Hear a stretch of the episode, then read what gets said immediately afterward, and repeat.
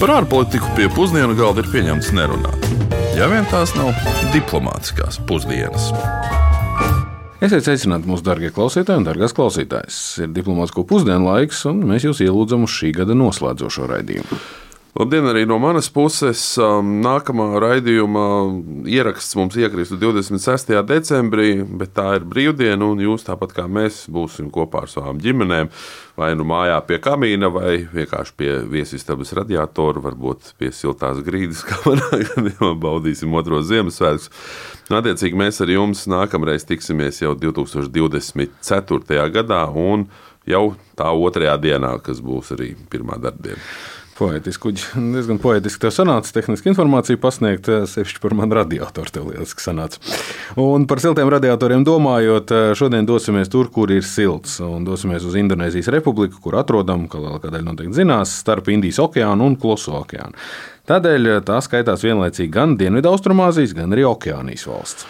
Un Indonēzijas gadījumā lepoties var ar ļoti daudziem rekordiem. Mēģināsim vismaz daļu no tiem pārsteidzošiem faktiem izstāstīt mūsu šīsdienas raidījumā. Un, nu, laikam jau jāsāk ar pamatu faktiem, kuri ir iespaidīgi paši par sevi. Proti, Indonēzija ir valsts ar pasaulē lielāko arhipelāgu, kas iekļauj vairāk nekā 13,000 salu un saliņu, no kurām 922 ir pastāvīgi apdzīvotas. Nu, zināmākās, protams, ir Sumatra, Jāva, Borneo, Jaungvinēja un Sulawesi. Un te uzreiz jāpiezīmē, ka Indonēzija ir viena no valstīm, kur atrodas tā saucamā uguns aplī. Uguns aplis ir josla uz zemeslodes, kur atrodas visvairāk aktīvo vulkānu un no zemestrīču epicentru. Proti, 90% no zemestrīcēm un apmēram 75% no vulkāna izvirdumiem notiek tieši šeit. Un arī apmēram 80% no visiem pasaules tsunami, ko izraisa tieši seismiskie procesi, arī notiek šeit. Un šajā saistībā ir vēl viens Indonēzijas rekords. Valstī atrodas visvairāk pasaulē aktīvo vulkānu, tie ir tieši 76. Vēl vairāk Indonēzijā Sumatras salā ir atrodams Tobēzers, kas ir lielākais vulkāniskais ezers pasaulē. Tomēr ezers ir ne tikai viena no skaistākajām vietām uz Zemeslodes, bet arī atgādina par dabas varenību. Nu, proti, krāteris izveidojās aptuveni pirms 75,000 gadu, un tas ir vairāk nekā 1000 km2 liels un vietām sasniedz gandrīz 500 metru dziļumu. Nu, lai saprastu, kāpēc viņš ir tik liels, tad ar vulkānu izvirdumiem ir daži traģiski rekordi arī saistīti Indonēzijas vēsturē. Un viens no tiem ir apzinīgās cilvēks vēsturē, nu, respektīvi pēdējos desmit tūkstošu gadu laikā fiksētais lielākais vulkāna izvirdums, kurš notika 1815. gadā. Sambaus salā izvirda vulkāns Tambora. Sprādzienu troksni esot varējuši dzirdēt pat 2000 km attālumā esošajās salās. Indonēzijā bojā gājuši esot vairāk nekā 70 tūkstoši cilvēku. Un baisākais, ka šis izvirdums bija tik masīvs, ka vulkāniskie pelni, kas pārklāja zemeslodes ziemeļu daļu, rezultējās tajā, ka 1816. gads ir iesaukts par gadu bez vasaras. Respektīvi, saules trūkums, kā arī vulkānisko pelnu lietus ūdeņi sabojāja labību, saindēja labību Eiropā un Ziemeļamerikā. Nu, tas savulaik izraisīja, savukārt attiecīgi izraisīja 19. gadsimtā visšaušalīgāko bada epidēmiju. Un par rekordiem un briesmīgām lietām vēl pavisam īsi paturpinot, Indonēzijā ir atrodama raflasija ar noldī. Puķa ar pasaulē lielāko ziedu, kas diametrā var sasniegt pat vienu metru un svērt kādus desmit kilogramus. Ar ko tā vēl slavena ar nosaukumu līķu puķa, jo tā nesmaržo, bet gan smird pēc pūstošas gaļas. Un atrodama tā ir Sumatras salā un pasaules botāniskajos dārzos. Jā. Indonēzija ir arī vienīgā vieta pasaulē, kur var sastapt pasaulē lielākais ķirzaks, tā saucamos komodo puķus. No komodo salas viņi arī nāk. Tie ir slaveni ne tikai ar to, ka var sasniegt pat 3 metru garumu un normālā situācijā var ap 70 kg.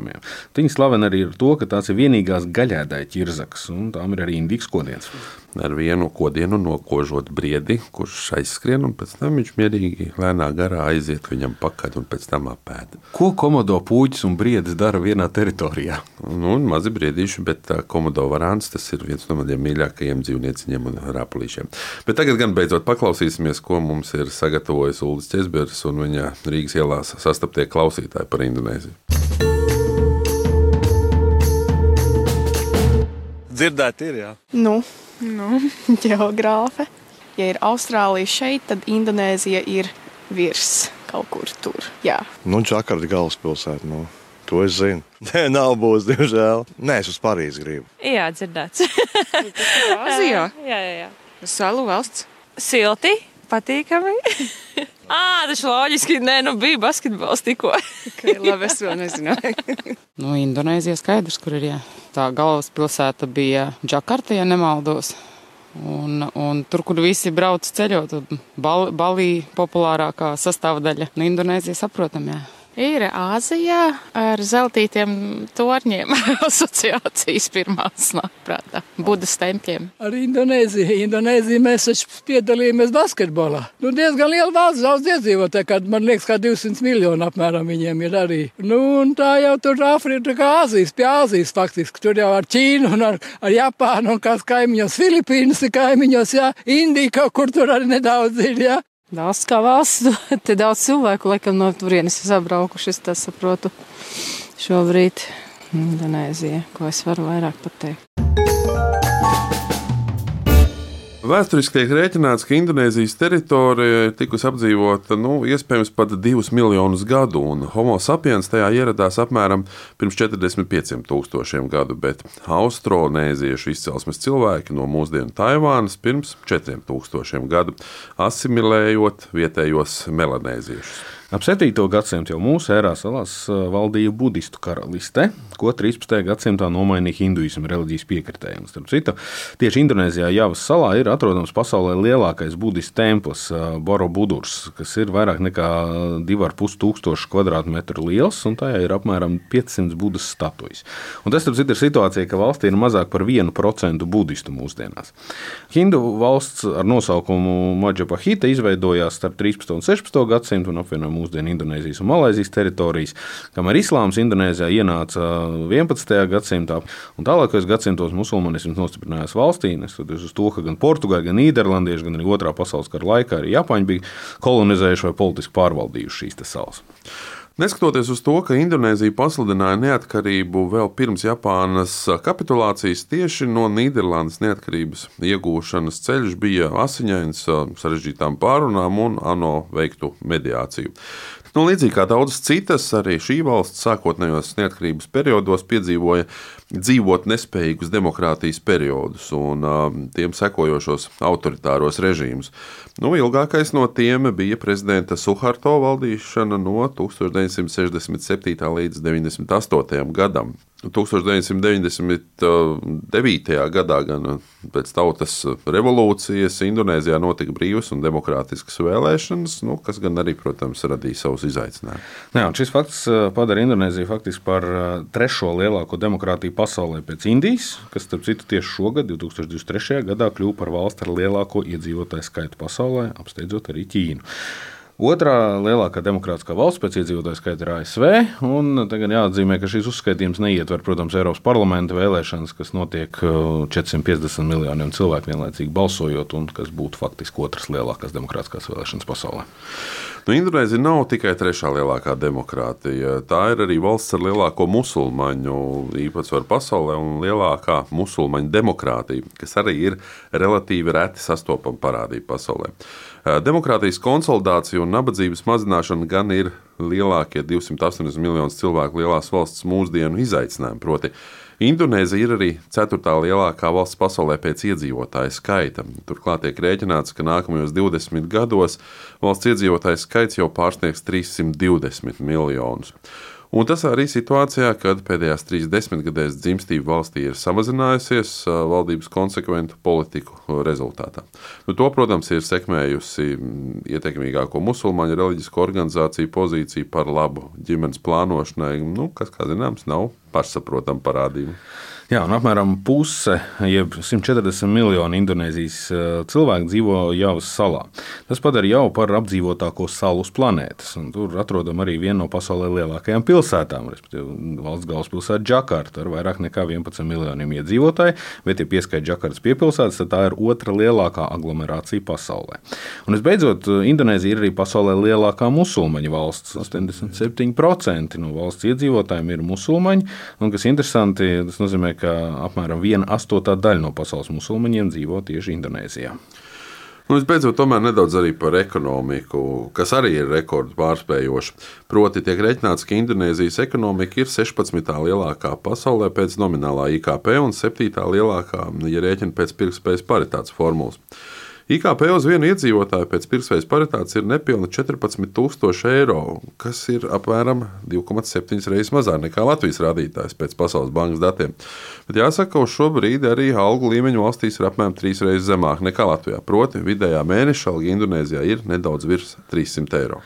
Nu, vēsturiski Indonēzijas ekonomika ir bijusi lauksaimnieciski orientēta, un to sekmē ne tikai auglīgās augsnes pieejamība, bet arī valdības pirmo pāris desmitgažu politika pēc neatkarības iegūšanas. Nu, respektīvi, tās bija orientētas uz pašpietiekamības nodrošināšanu, nu, primāri lauksaimniecisko ražošanu. Urbanizācija, cilvēku pārcelšanās uz pilsētām, kā arī industrializācija 1970. un 80. gados bija vairāk saistīta ar naftas cenu krišanos pasaulē, un arī Indonēzijā, un valdības spēcīgo ekonomikas dažādošanu un pārorientēšanos prom no atkarības atkarības no naftas eksporta kā centrālā ienākuma avota. Rezultātā nabadzības rādītāji pēdējās četrās desmitgadēs ir kritušies no 60% no visiem valsts iedzīvotājiem uz apmēram 15% mūsdienās. Nu, ekonomiskās dažādošanas dēļ Indonēzija ražo mūsdienās ne tikai naftas produktus un degvielu, bet arī tekstilu, automobiļus, elektroierīces, apavus, medicīnas instrumentus un preparātus, gumiju, pārtiku, dārlietas, cementu, ķīmisko mēslojumu un ļoti populāri arī turistu vidū. Un Indonēzija uzstāda rekords arī ekonomikā. Tā tiešām ir lielākā palmu eļļas ražotāja pasaulē, un kopā ar Malaiziju tas ražo 90% no visas pasaules palmu eļļas. Un Indonēzija, runājot par ēdieniem, ir arī lielākā varžu kāju eksportētāja un arī patērētāja. Nu, to mēs bijām minējuši iepriekšējos raidījumos. Tā ir arī lielākais niķeļa eksportētājs pasaulē, un vispār jau metāla ieguva un apstrāde ir būtiska daļa no valsts ekonomikas, kuras galvenie eksporta un importa partneri ir gan komunistiskā Ķīna, gan Amerikas Savienotās valstis. Un visbeidzot, atgriežoties pie turisma. Indonēzija relatīvi nesen, 2021. gadā, ieviesa digitālo nobadu vīzas. Nu, proti, ārvalstu pilsoņi ar derīgām pasēm Indonēzijas dabas skaistumu var baudīt pārceļoties uz valsti attālinātā darba veikšanai. Un ņemot vērā, cik relatīvi lēta dzīvošanai šī valsts ir, kā arī to, ka jūsu nopelnītais netiks aplikts ar papildus Indonēzijas nodokļiem, bet maksāsiet tikai nodokli savā oficiālajā darba vietas valstī, nu, šis piedāvājums ir kļuvis visnotaļ populārs. Jā, nu, lūk, tas ir viens piemērs tam, ka Covid bija ne tikai traumatiska pieredze, bet arī ekonomisko iespēju un digitālās izaugsmas laiks. Bet um, tagad gan par dzīvošanu Indonēzijā runājot un par rekordu uzstādīšanu runājot, laiks pienācis mūsu šodienas intervijai. Un ņemot vērā, ka ir Ziemassvētku laiks, ka ir gadu mija, un mēs atskatāmies uz sasniegumiem un rekordiem šajā gadā, un ka viens no nozīmīgākajiem šī gada Latvijas rekordiem tika uzstādīts tieši Indonēzijas galvaspilsētā Džakartā, mēs lūdzām, un mums laipni intervijā piekrita bijušais eh, Latvijas valsts prezidents un nu pat pārvēlētais Latvijas Basketbola Savienības prezidents Raimons Vējons. Un jautājums, ko mēs viņam vaicājām, bija, vai mēs varam teikt, ka šī gada Latvijas basketbola izlases sasniegums patiesībā ir mērams kā lielāks sasniegums nekā 1935. gada uzvara Eiropas čempionātā. Nu, ņemot vērā, cik ļoti ir attīstījies basketbols kā sports, kā arī to, ka daudz vairāk komandu tomēr piedalās šajā čempionātā. Nu, jā, tas neapšaubāmi, ka šī gada pasaules čempionāts basketbolā ir ļoti nozīmīgs ne tikai basketbolam, bet kopumā visam sportam. Jā, kaut arī izcīnīta varbūt ir tikai piektā vieta, un par ko arī puiši varbūt pārdzīvoja par to, ka tad, kad viņus sagaidīja pie brīvības pieminiekļa, ka viņi varbūt gluži nebija pelnījuši to, un tāpēc viņi izteica pateicību līdzjutējiem.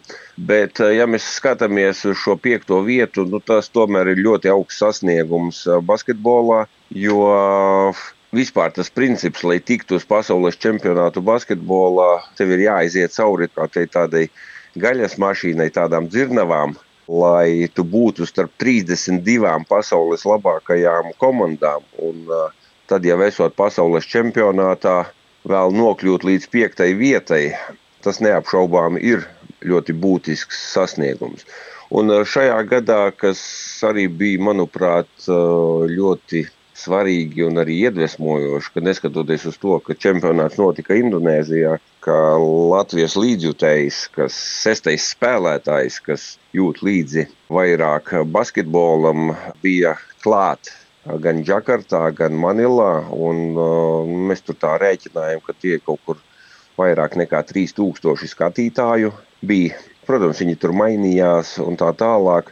Bet kaut kur tāds cipars varētu būt, kas apliecina to, ka Latvijā basketbolu patiešām cilvēki mīl.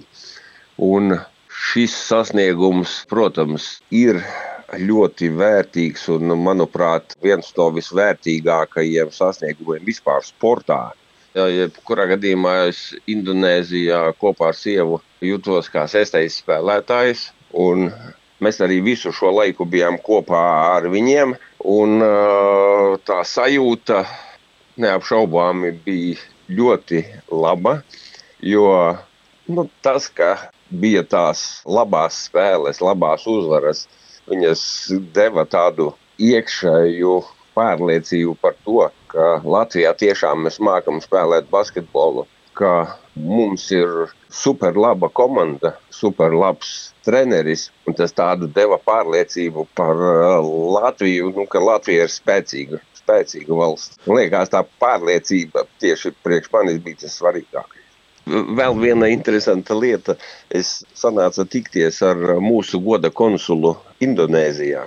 Un, uh, viņš izteica to savu vērtējumu tam, ka uh, no Latvijas atbraukuši tik daudz līdzjutēji. Un uh, tur tajās dienās, kad Latvijas līdzjutējs atradās Indonēzijā, tur uh, gan vietējā prese, gan televīzija un tā tālāk, gandrīz katru dienu rakstīja vai rādīja par Latvijas līdzjutējiem. Un, uh, goda konsuls teica, ka patiesībā tās dienas, kad Latvijas līdzjutējs bija Indonēzijā, Latvijas valsts tādai, nu, reklāmai par to, kas ir Latvija. Tas parādīja daudz, daudz vairāk nekā viņš var pats ar savu darbu to izdarīt, stāstot, rādot, prezentējot Latviju. Tas sestais spēlētājs plus basketbola izlases ļoti labā spēle bija labākā Latvijas reklāma. Lai cik būtu paēdis, vienmēr ir vieta arī desertam. Bet tagad desertā par rekordiem gan vairs nerunāsim, ja nu vienīgi dažiem finansiāliem rekordiem.